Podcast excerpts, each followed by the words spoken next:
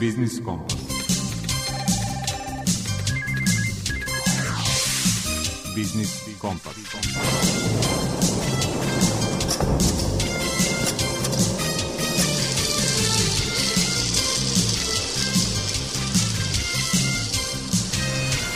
Pred mikrofonom je Đuro Vukilić. Dobar dan poštovani slušalci. Pri kraju smo januara za mnoge i najdužeg meseca u ekonomskom smislu zbog praznovanja izdataka koji učine da potrošačka korpa zadobije sasvim nestvarne dimenzije. Ali vratimo se sadržaju emisije. U rubrici Aktuelno govorit ćemo o ovih dana potpisanom protokolu o poslovnoj saradnji na osnovu koga će Evropska unija biti partner ovogodišnjeg 91. međunarodnog poljoprivrednog sajma.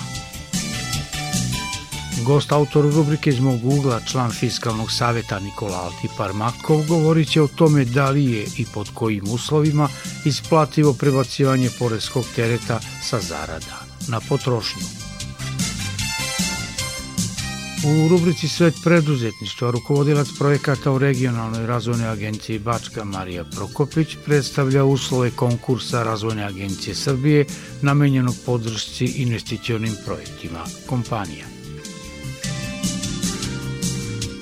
Kako izveći neprijatnosti poput sudskog spora ili prinudne naplate ako niste u mogućnosti da uredno otplaćujete kredit.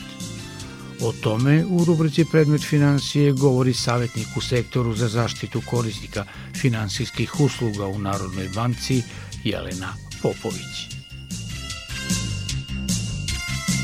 Ovih dana izuzetno aktuelni su računi za utrošenu električnu energiju – Šta treba da znate kod reklamacije računa, savjetovaće vas u rubrici Potrošačka korpa prava, predsjednik Udruženja za zaštitu prava potrošača Prosperitet, Radomir Ćirilović. I pre najavljenih rubrika opustimo se uz malo muzike.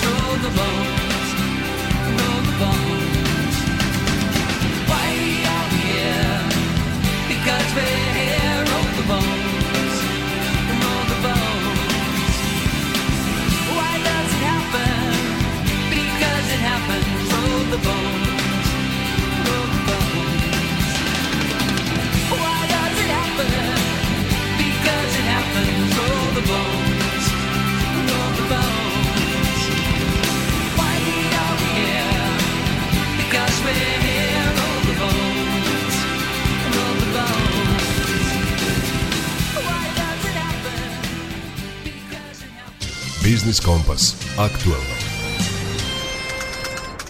Potpisivanjem protokola o poslovnoj saradnji generalni direktor Novosadskog sajma Nikola Lovrić i šef delegacije Evropske unije u Srbiji Emanuel Joffre ozvaničili su partnerstvo Unije nad ovogodišnjim 91.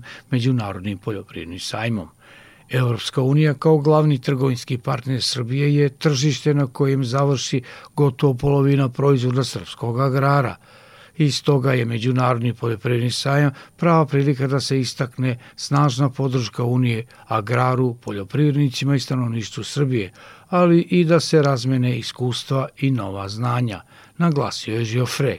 Agricultural practices and uh, activity are developing at a pretty, pretty fast pace in Europe and uh, internationally. Poljoprivredne aktivnosti i prakse se razvijaju prilično brzo u Evropi i šire ka održivijoj upotrebi resursa, ka zelenijim tehnologijama gde god je to moguće. Naš cilj je da sve te nove razvoje i aktivnosti podupremo i istovremeno da osiguramo najviše standarde u bezbednosti hrane kao i u zaštiti javnog zdravlja, zdravlja e, životinja i biljaka. Primera radi neke od naših inicijativa, jedna od njih je od njive do trpeze, gde pokušavamo da smanjimo upotrebu pesticida, a na taj način da se ne ugrozi poljoprivredna produktivnost. Partnerstvo sa Evropskom unijom i prisustvo njenih izlagača na 200 kvadratnih metara prostora u hali 1 privući će na ovogodišnjem međunarodnom poljoprivrednom sajmu veliku pažnju i izlagača i posetilaca, uveren je Nikola Lovrić. Pozivam sve privredne subjekte iz Srbije koje se bave agrobiznisom da ne propuste priliku da budu na centralnoj pozornici agrobiznisa u ovom regionu, jer će moći u direktnom kontaktu sa predstavnicima Evropske unije da razmene iskustva, da vide kakvi su to normativni akti, kakvi su kriterijumi i kakvi su benefiti saradnje sa Evropskom unijom. Jedan od takvih benefita su i programi podrške ruralnom razvoju. Žio Fre za treću rundu IPARD-a najavio je značajno povećanje budžeta. Within the European Union, the common agricultural policy is a key policy uh, around which the European Union uh. Uh, Zajednička poljoprivredna politika uh, Evropske unije je ključna politika i u višegodišnjem finansijskom planu Evropske unije. Evropska unija je odlučila da opredeli za poljoprivredu 386 milijardi evra. Dakle, ova zajednička poljoprivredna politika nudi stabilnu i predvidljivu budućnost i za srpske farmere, kao i za sve prateće okvire. Dakle, zato je u interesu Srbije, srpskih poljoprivrednika, da se što pre, što ranije pridruže Evropskoj uniji. Kroz IPARD 3 koji Evropska unija sada pokreće, mi smo odlučili da povećamo vrednost tog fonda na 288 miliona evra, što će zajedno sa doprinosom od države i od privatnog sufinansiranja ukupno doneti ulaganje od oko 550 miliona evra za poljoprivredni sektor u Srbiji. Pored upoznavanja sa uslovima IPARD 3 programa, posjetioci će i ove godine na Međunarodnom poljoprivrednom sajmu moći da se upoznaju sa ponudom više od hiljadu izlagača i najnovim tehničkim i tehnološkim dostignućima u agraru. Ovogodišnji 91. Međunarodni poljoprivredni sajam biće, kako je najavljen, održan od 18. do 23. maja. I can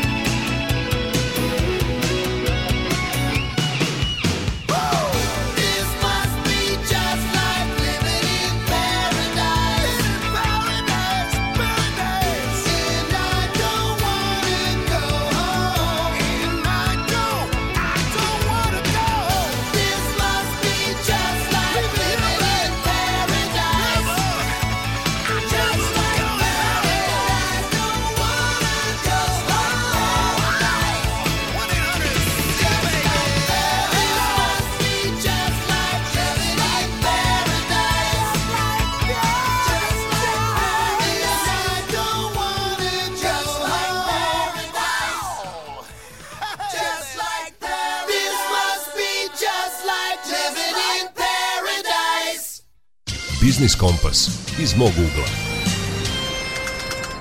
Da li se isplati prebacivanje tereta oporezivanja sa zarada na potrošnju? I mogu li u premošćavanju tako nastalog budžetskog deficita da pomognu prihodi od priliva ruskih i ukrajinskih državljana, kao u slučaju Crne Gore? O tome u rubrici iz mog ugla govori član Fiskalnog saveta Nikola Altiparmakov. Još 2010. godine u Srbiji je ovaj ministarstvo tadašnje financija iniciralo jednu ovaj ideju o dubinskoj reformi poreskog sistema kojom bi se teret oporezivanja prebacio sa zarada na potrošnju, odnosno konkretno sa doprinosa za zdravstvo na PDV kako bi se na jedan način poeftinilo zapošljavanje, stimulisalo zapošljavanje radnika, sa druge strane kako bi se povećala konkurentnost budući da PDV se ne obračunava ni na investicije ni na izvoz i na taj način se ne ugrožava konkurentnost domaće privrede, a sa stanovišta ukidanja doprinosa za zdravstvo se povećava konkurentnost ili se povećavaju neto plate. U svakom slučaju to je nešto što pospešuje tržište rada i nivo zaposlenosti u državi. Nažalost, budući da je cena ukidanja doprinosa za zdravstvo u Srbiji bila povećanje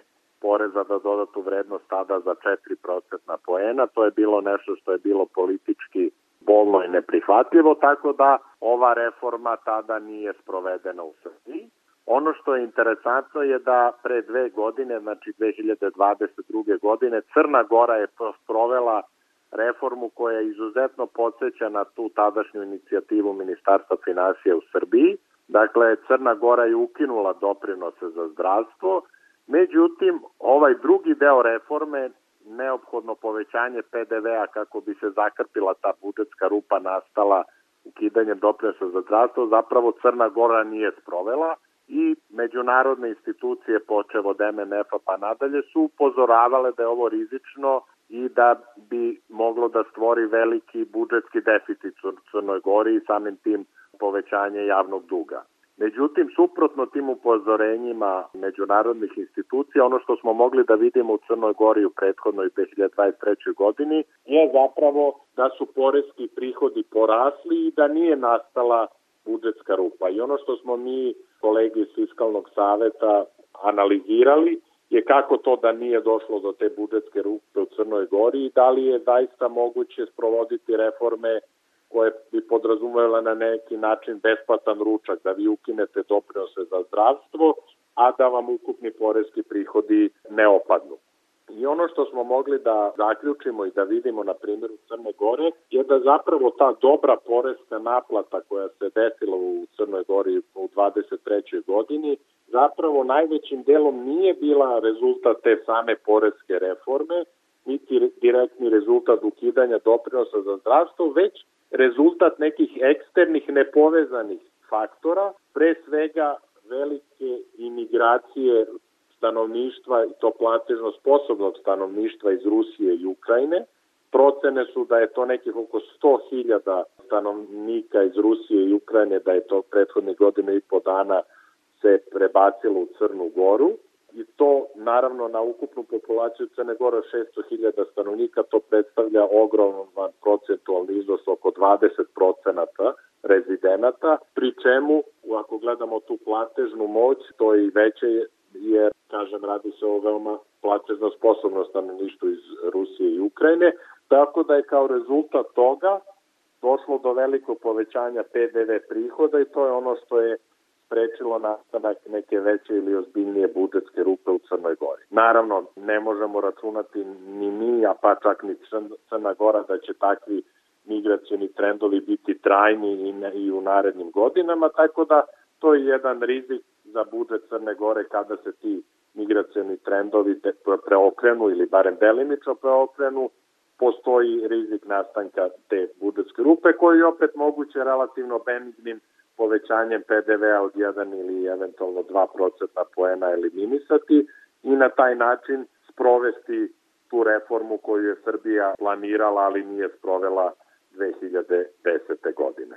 Što se tiče uticaja emigracije stanovnike Rusije na Srbiju, tu su podaci nepouzdani budući da se radi o velikoj fluktuaciji ali svakako da možemo reći da je u apsolutnom iznosu uporediv taj broj stanovnika koji je došao u Srbiju i Crnu Goru i u jednoj i drugoj državi se priča oko 100-120 hiljada stanovnika iz Rusije i Ukrajine.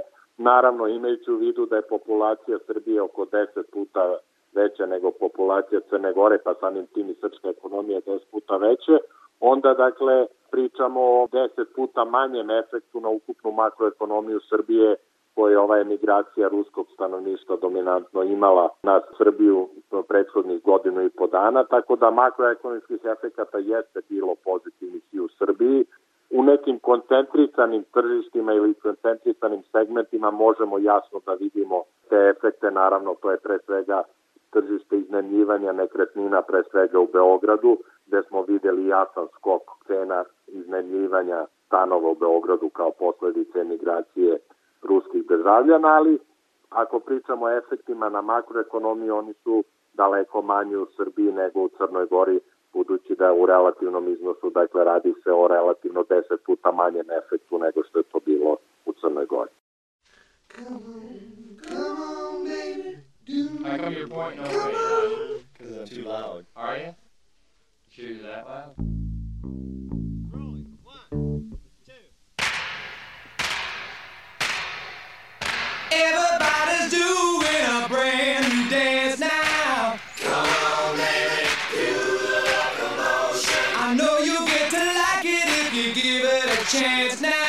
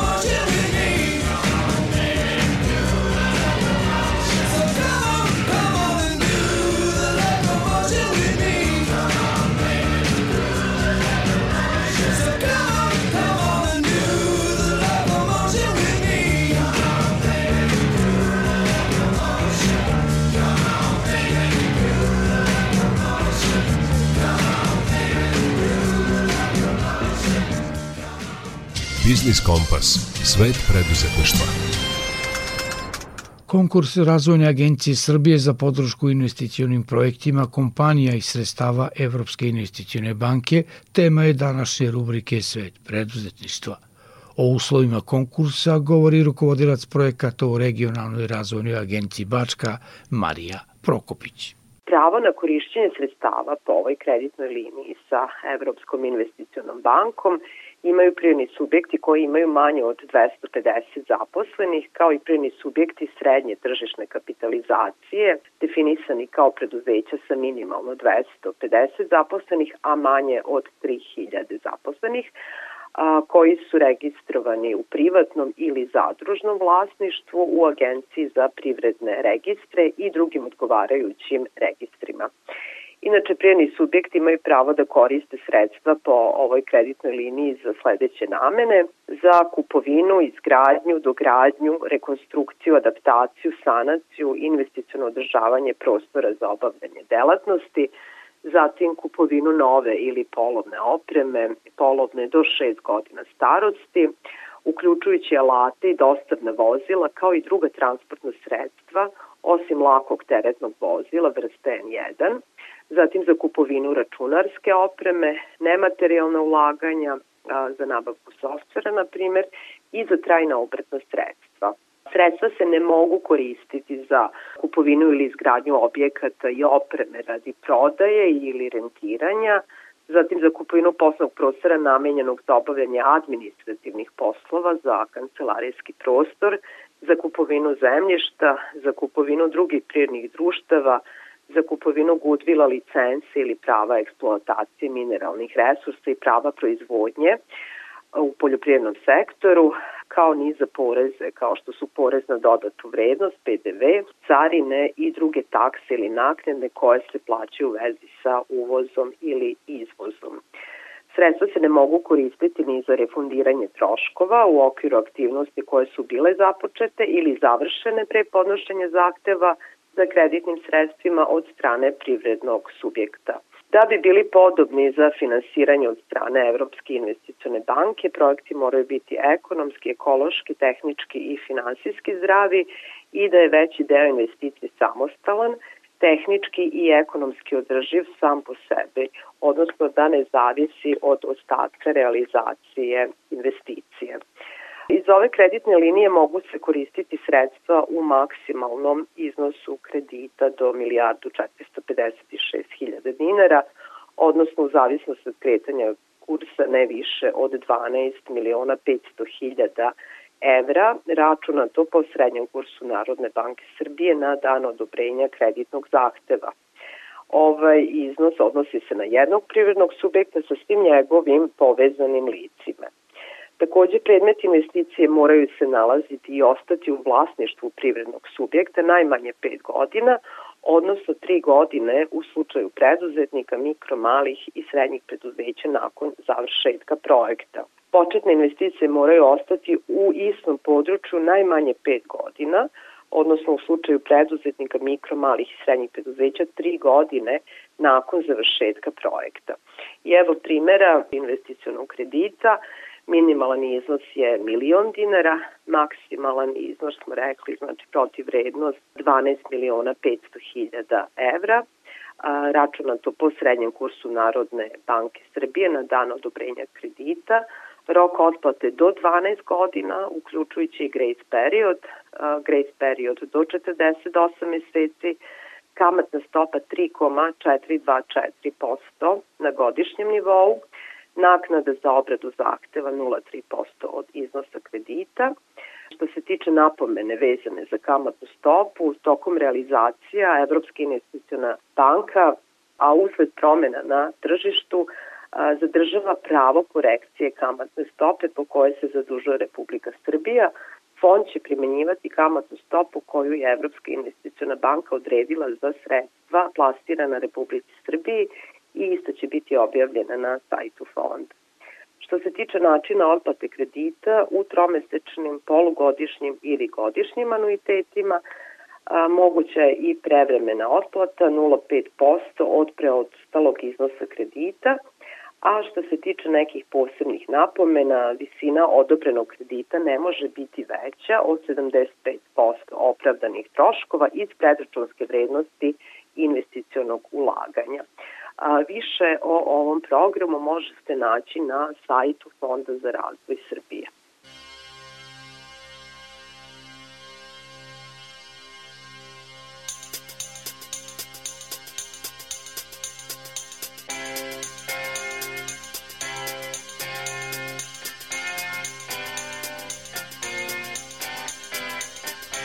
Ain't got no regrets. I ain't losing track of which way I'm going. I ain't gonna double back, no. Don't wanna misplay, put on no display. An angel, no, but I know my way.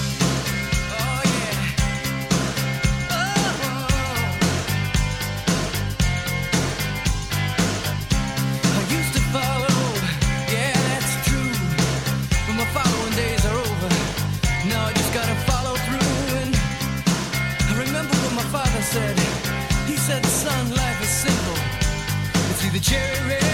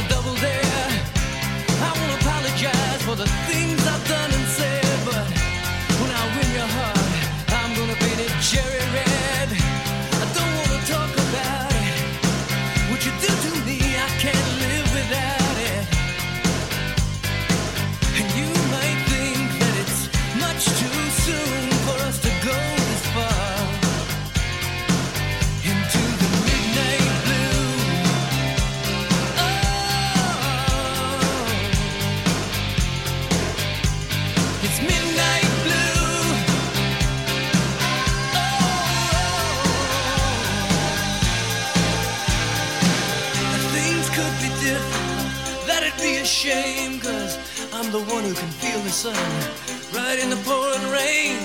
I won't say when, don't know when, but soon there's gonna come a day, baby. I'll be back again. Yeah, I'll be back for you.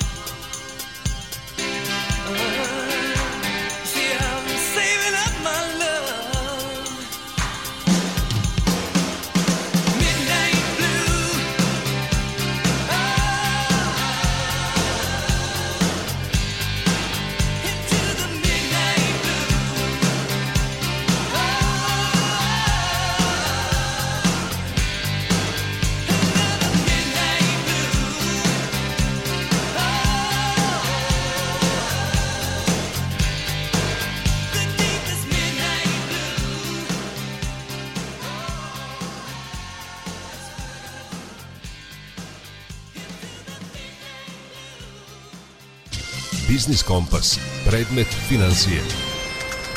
Uporedo sa zvaničnim podacima o sve manje problematičnih takozvanih NPL kredita, nemali broj bankarskih klijenata se suočava sa poteškoćama u otplati. Kako da izbjegnete rizik od sudskog spora ili prinudne naplate, posavetovat će vas savjetnik u sektoru za zaštitu korisnika finansijskih usluga u Narodnoj banci Jelena Popović. Pre svega kašnjenje u otplati kredita ili nemogućnost otplate duga, bez obzira na objektivne i subjektivne okolnosti u kojima se korisnik nalazi, ne predstavlja povredu prava i interesa korisnikova iskorišćenjem kredita, ukoliko se banka pridržavala zaključenog ugovora o kreditu, propisa, opštih uslova poslovanja i dobrih poslovnih običaja. Ukoliko korisnik nije u mogućnosti da izmiruje obaveze poslovnog kredita koji je u korišćenju kod banke, najbolje je da se odmah obrati svojoj banci i da je upoznao sa novonastalom situacijom. U takvim okolnostima banka će u okvirima svoje poslovne politike probati da nađe rešenje koje podrazumeva delimično ili ukupno odlaganje obaveza na određeni vremenski period kako bi korisnik dobio na vremenu da nađe novi posao ili neki drugi način izvor prihoda kako bi nastavio da uredno izmiruje obaveze prema banci. Naravno, tom prilikom banka će svakako ceniti njegovu kreditnu sposobnost i druge stvari koje utiču na dalju otplatu kredita. Treba da kažem da je zakonom o zaštiti korisnika finansijskih usluga propisano da ako u trajanju ugovornog odnosa nastupe okolnosti koje korisnika dovode u teško imovinsko stanje, odnosno druge bitne okolnosti na koje korisnik ne može uticati, banka može na zahtev korisnika proglasiti zastoj u otplati za određeni period, kao i da banka može svojim unutrašnjim aktima propisati kriterijume za proglašenje zastoja u otplati. Dakle, u skladu sa navedenim, korisnik ima mogućnost da se banci sa kojim je u ugovornom odnosu obrati zahtevom za proglašenje zastoja u otplati duga po kreditu, ali napominjem da banka taj zahtev može, ali i ne mora da prihvati, kao što sam već rekla, cenit će njegovu kreditnu sposobnost i druge bitne stavke koje će uticati na njenu konačnu odluku. Takođe, korisnik se može banci obratiti zahtevom za produženje roka otplate kredita, što bi za njega svakako značilo manju obavezu na mesečnom nivou, ali i duži vremenski period otplaćivanja kredita, što bi značilo da će na kraju otplate platiti ukupno više kamate. U slučaju da se korisnik ne obrati banci za dogovor u vezi sa problemom u otplati kredita, korisnik rizikuje da padne u docnju, što za posledicu ima prijavu u kreditnom birovu, jer će banka nakon 60 dana morati da prijavi kreditnom birovu tu docnju, odnosno korisnika kao neurednog platišu, zbog čega će biti kreditno nesposoban za bilo koju drugu bankarsku pozivnicu ili bilo koji drugi bankarski proizvod.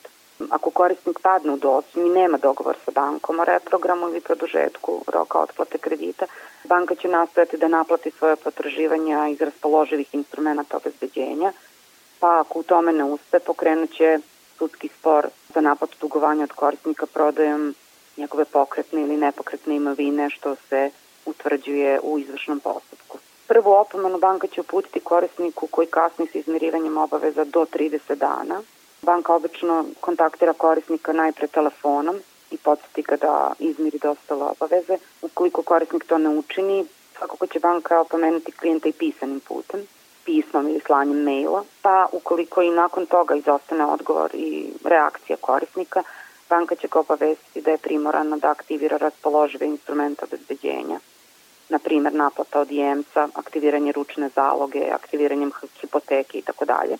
Ukoliko banka ne naplati dug ni na taj način, naredni korak je pokretanje sudskog postupka uz prinudnu naplatu. U slučaju da je kredit odobren, na primjer, uz žiranta, banka će kontaktirati žiranta da ga upozori da klijent banke, kome je on garant, ne otplaćuje kredit i da postoji mogućnost da banka svoje potraživanje izmiri od žiranta, odnosno da će uskoro doći do utuženja klijenta, a da žirant u tom slučaju ima potpuno istu odgovornost prema nastalom dugu kao i korisnik kredita. Ako kao sredstvo obezbeđenja postoji administrativna zabrana, banka će aktivirati zbog neurednog izmirenja obaveza, pa će poslodavcu uputiti popunjenu administrativnu zabranu, na čijem će formularu biti upisani tačni iznosi visina odobrenih sredstava, visina mesečne obaveze koje poslodavac dužan da obustavlja od zarade zaposlenog, a u korist banke. U krajnjoj instanci banka će tužiti korisnika kredita i sudskim putem naplatiti svoje potraživanje. Zakonom o izvršenju i obezbeđenju uređen je postupak izvršenja kao posebna vrsta sudskog postupka u kome sudovi i javni izvršitelji namiruju potraživanja izvršnih poverilaca prinudnim putem i u tom postupku odlučuju donošenjem rešenja i zaključaka kojima se određuju sredstva izvršenja. Dakle, radnje kojima se namiruje potraživanje izvršnog poverioca i predmet izvršenja, stvari, i prava izvršnog tužnika na kojima se sprovodi izvršenje, osim oni koji su zakonom izuzeti od izvršenja. Hold on, little girl, show me what he's done to you. Stand up, little girl, a broken heart can't be that bad when it's through, it's through. Fate would twist of both of you.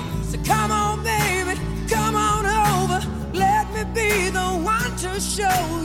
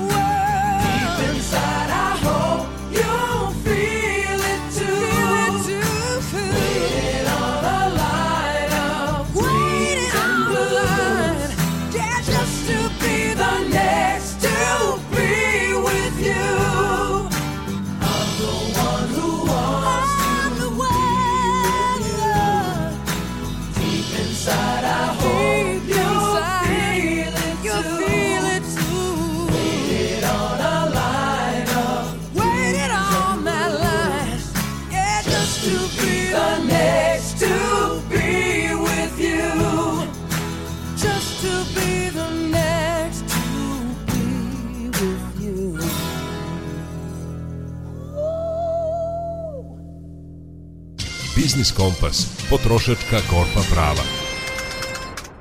Ovih dana je na adrese potrošačkih udruženja pristiglo mnoštvo žalbi zbog uvećanih računa za električnu energiju. Kako da postupite u takvim slučajevima kada je reč i o nerealnim računima za druge komunalne usluge? O tome u rubrici Potrošačka korpa prava govori predsjednik Udruženja za zaštitu prava potrošača Prosperitet Radomir Ćirilović. Veoma je bitno da sledite sledeće korake. Radi osporavanja visine računa, najpre treba uputiti pisanu reklamaciju EPS-u. Znači pisanu, ne nikako samo usme. Pri tome uporedite potrošnju sa prethodnim mesecom ili istim iz prošle godine da bi videli da li ima osnove da reklamirate račun. U istom dopisu zatražite izveštaj o očitavanjima struje za posljednjih tri meseca sa pitanjem kog datuma je vršeno očitavanje i koja su bila stanja satima na strujomeru. Zatim je bitno dok EPS ne odgovori u roku od 8 dana da uplatite nesporni deo računa kako vas prema članu 85 zakona o zaštiti potrošača ne bi mogli da isključe sa mreže u roku od dva meseca od dana dospjelosti obaveza. Uplatu obavezno izvršite putem uplatnice sa naznakom da uplaćujete nesporni deo računa, na primjer, za decembar mesec 2023. godine.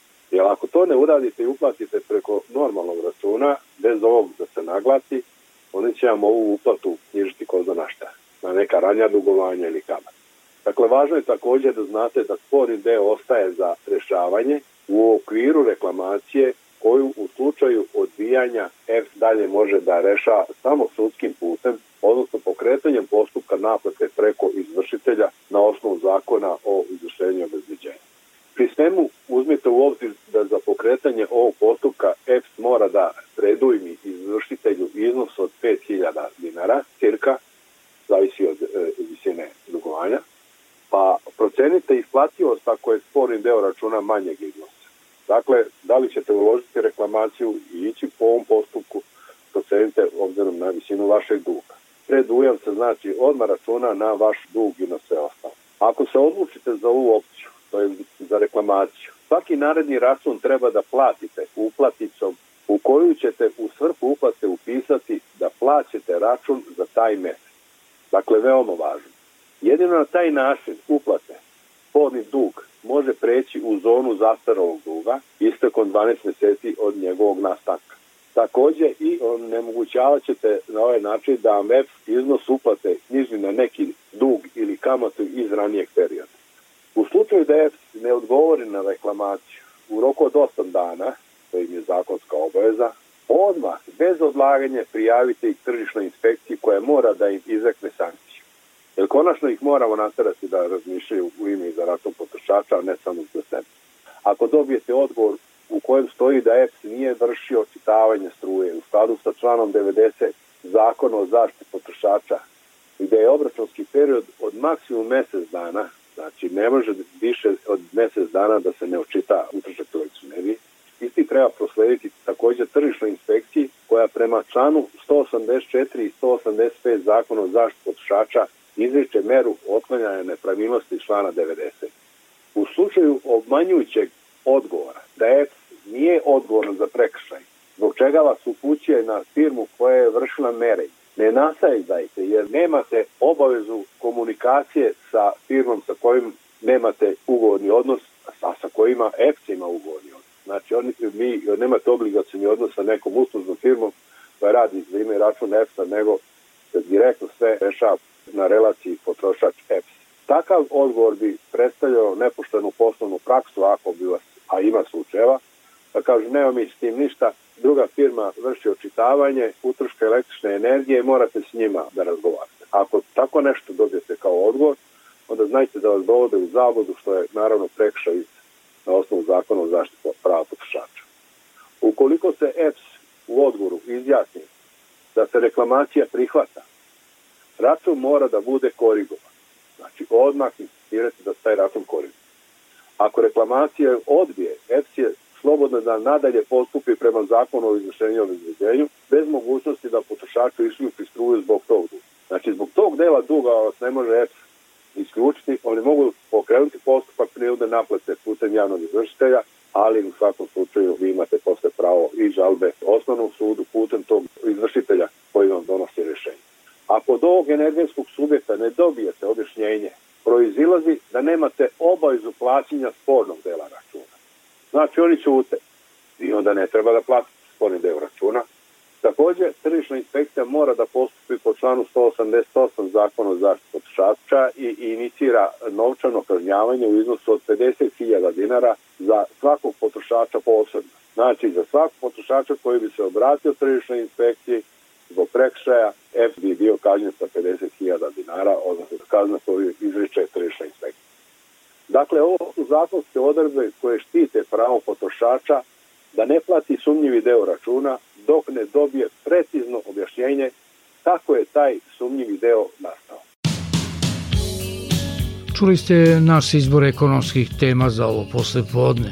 Biznis Kompas možete da slušate i naknadno na internet stranici Radio Televizije Vojvodine podcastu Odloženo slušanje. Muzički urednik Zoran Gajinov, ton majstor Marica Jung i urednik emisije Đuro Vukelić vam žele ugodan nastav popodneva i večeri uz program Radio Novog Sada. Zdravi bili i čuvajte se. Every time I think of you, I always catch my breath, and I'm still standing here,